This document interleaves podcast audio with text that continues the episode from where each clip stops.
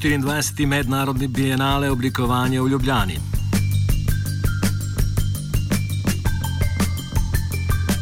Današnji večer imate možnost, da se odpravite v smeri Fužinskega gradu in se udeležite otvoritve letošnjega mednarodnega oblikovanskega bienala. Predstavljeni bodo rezultati dela stotih udeležencev, ki so v šestih mesecih sodelovanja raziskovali meje sodobnega oblikovanja in njegove vloge v družbi.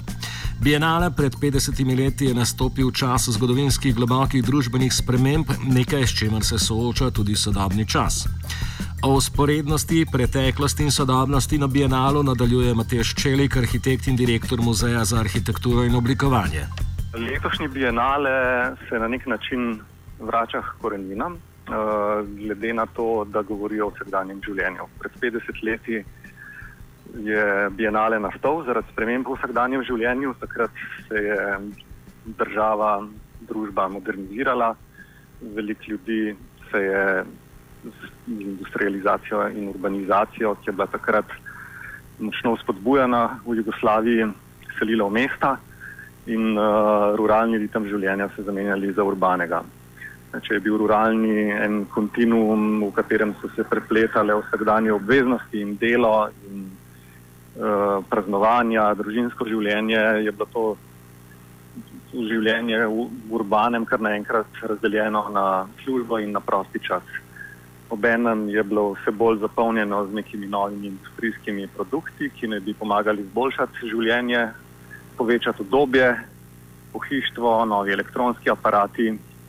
In uh, takrat se je zdelo uh, arhitektom, ki so se ukvarjali z oblikovanjem, pomembno, da se ustanovi bienale, ki bi skozi neke primerjave, analize, uh, predstavitve novih industrijskih proizvodov uh, zagotavljal, da, da, da se izpostavlja neka kvalitetna industrijska produkcija. Uh, kakorkoli že zelo zgodaj, drugi, tretji ediciji Bienala so se znotraj Bienala, ob, ob Bienalu so potekale različne debate, tudi okrogle mize, pričela pojavljati vprašanja o tem, ali je oblikovanje skozi to, da proizvaja nove izdelke, ne glede na to, da so odlično oblikovani, zares povečuje kvaliteto življenja.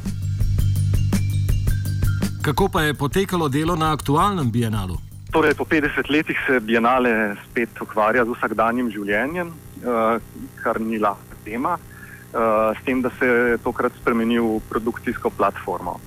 Uh, ta produkcijska platforma temelji na sodelovanju. Uh, Kustos Jan Bolen je povabil v 11 skupin, ki so jih vodile lokalno mednarodne skupine mentorjev, oblikovalce lani smo prejeli prek 600 prijav iz več kot 50 držav in 120 oblikovalcev in drugih mladih strokovnjakov je bilo izbrano, da sodelujejo v 11 skupinah.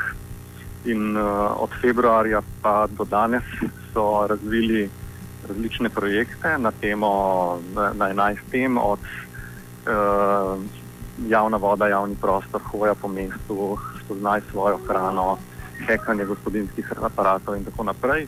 In ti projekti so razstavljeni na treh lokacijah. V moderni galeriji, kjer je bil postavljen tudi prvi bio, v Jakopičevi galeriji, kjer se je bio prav tako večkrat predstavljal, in v Muzeju za arhitekturo in oblikovanje na Fužinah. Del tega je tudi zgodovinska razstava v Jakopičevi galeriji, ki skozi 150 izbranih izdelkov, ki so bili nagrajeni na preteklih bienalih, predstavlja zgodovino bienala in na nek način tudi zgodovino dizajna. Sodobno oblikovanje se obrača vse bolj v smeri družbenega angažmaja. V mnogih primerjih se loteva vprašanj javnega, demokracije in ekonomije, ter tako zapušča preprosto oblikovanje površine. O vlogi bienala nadaljuje Čelik. Veliko trendov je Kusto že prepoznal kot lokalno prisotnih uh, na pogovorih, ki jih je lani opravljal z oblikovalci, mladimi, starejšimi, profesori iz akademije, s podjetji, z različnimi akterji na slovenski oblikovalski in kulturni sceni in je na podlagi teh pogovorov pravzaprav določil te teme.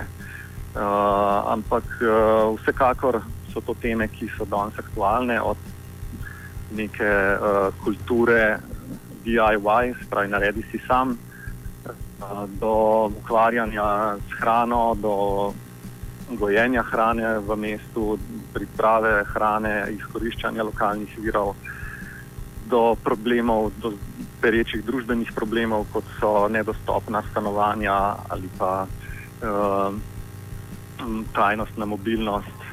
Uh, obenem je bilo zelo zanimivo videti, kako so se skozi to polletno sodelovanje pokazali tudi drugi aktualni problemi. Sodelovanje je nekaj, kar je zelo zahtevno in uh, skozi delo se je recimo videlo, da kakšna je narava dela in kakšne probleme tudi to prinaša. Če so včasih oblikovalci, pa pravzaprav ne samo oblikovalci, če je bila včasih narava dela takšna, da si v podjetju ali v neki instituciji pravzaprav začel kot zelo mlad in je večina tam dočakala tudi svojo upokojitev, je ta narava dela no, vse bolj uh, krat, krat, na kratki rok. Uh, in uh, veliko teže je pridobiti neke temeljite izkušnje, in uh, veliko teže je tudi uh, uh, to pravzaprav slabi neko željo, pa zmožnosti za sodelovanje, ker se rajši lotevajo tistih projektov, v katerih vidijo neko dolgoročno prihodnost, uh, druge je pa pravzaprav veliko, veliko teže jih pridobiti k nekemu skupnemu delu. Ampak na koncu koncev je projekt Bienala vseeno zelo uspel. Um, zelo pomembno je bilo tudi to, da vzpostavimo neke lokalno mednarodne povezave med mladimi ljudmi, ki so sodelovali na oblikovanju, da jim omogočimo to neko izkušnjo sodelovanja uh, in uh, da pravzaprav, um, kot se pogovarjamo zdaj le ob otvoritvi, bo pravzaprav šele tista najvred, največja vrednost letošnjega bienala, bo pravzaprav mogoče vidna šele čez eno leto, ko bomo videli, ali se bodo kakšne od teh povezav, ali se bodo kakšne od teh sodelovanj obdržala še naprej in se bodo uh, tudi projekti, ki smo jih iz nič uh, na nek način zastavili z ekipami na bienalu, odvijali še dalje. Kakšna pa je lahko vloga oblikovanja v polnomočanju posameznika, nadaljuje teoretičarka Barbara Pernat. Sam poklic oblikovanja je bil vedno bolj kot ne interdisciplinaren, to se pravi, vedno smo bili uh, del neke skupnosti ali pa si bil primoran, če si pač hotel sploh neke kompleksne projekte delati uh, si pač mogel sodelovati z večjimi različnimi strokovnjaki, ali pa naprimer, tako kot več velikani 20. stoletja so tudi rekli, da je oblikovalec bil tista središčna figura, ki je pozval ostale uh, pač, ali področja ali pa ostale stroke. In pač z nekim tem pogledom, ko je vedno postavljal v središče uporabnika, je pač humaniziral vsa ta neka znanja ali pa jih pač nekje kompenziral ali pa pač lahko rečemo v sinergijo spravljal, če uporabljam to besedo, uh, v neki izdelek, ki pač je dosegel javnost, ki so jo pač si zastavili z nekim izdelkom. Zdaj, kar se tiče same družbenosti ali pa te neke orientacije k skupnosti, uh, to je tudi bilo precej, uh, je dosti tipično za oblikovanje kot tako. Uh, zdaj lahko to jemljemo seveda skozi prizmo, tudi pač lahko nekateri temu rečejo pač te fordistične logike industrijske izdelave, ampak uh, načeloma sama ideja je pa zelo bila demokratična že od nekdaj. Pač, uh, že v 19. stoletju so rekli, pač, kaj nam bo elitizem v oblikovanju, pač ne delaš za nekih par posameznikov, ampak res hočeš delati za skupnost, za tega, da boš dvignil kvaliteto življenja, za kulturo, boljšo kulturo bivanja. Um, in na ta način pač boš olajšal pač neke stvari, ki jih pač vsakodnevno počnemo in pa seveda jih lahko počnemo lažje, bolje, pač uh, udobneje ali pa pač morda nam jih sploh ni več treba početi, zato ker pač nam to odmaga nek uh, dober sistem, ki je oblikovan. Vendar pa je v programu Bienala opaziti, da se ne omejuje na funkcionalnost ali vprašanja potreb družbe. Prepletanja znanosti in oblikovanja prestopa meje oblikovalskih razsežnosti. O delu na Bienalu nam pove Špela Petrič, udeleženka pri skupini Oblikovanje življenja. Pravi, za izhodišče smo si v bistvu zbrali um, oblikovanje, ki je usmerjeno za rastline, se pravi, utilitarno ne sledi um, človeku, ampak rastlinam. In sicer konkretno načrtovali smo v bistvu spolne pripomočke za rastline. In ravno zato, ker uh, z rastlinami ne moremo imeti pogovora, smo se zelo osredotočili na informacije, ki jih v zvezi s tem nudi znanost. In v bistvu skozi metodologijo uh, apropriiranega uh, uh, human-centered design, uh, torej za rastline, uh, smo prišli do teh nekih forum, ki rešujejo probleme rastlin pri razmnoževanju in um, si predstavljamo, da povečajo njihovo uh, učinko, učinkovitost njihovega razmnoževanja in s tem lahko govorimo tudi o povečanem užitku. To se pravi, znanost je tukaj služila kot um, neko legitimno raziskovanje principov uh, razmnoževanja rastlin. Zakaj se lotiti oblikovalskih problemov, ki presegajo meje razuma in se spogledujejo z absurdom, da današnji offset zaključi špela?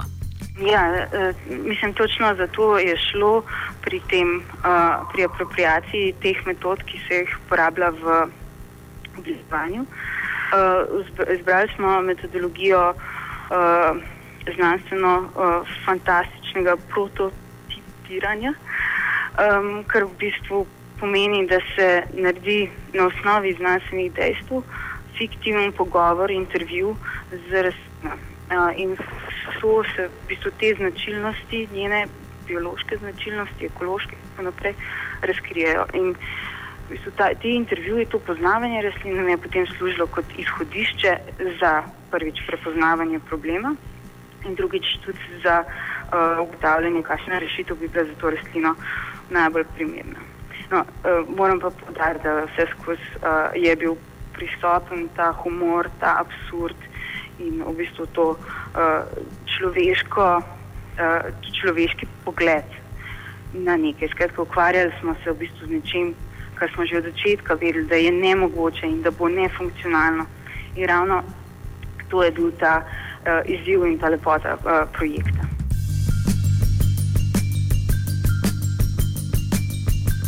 Offside je pripravil Jošt.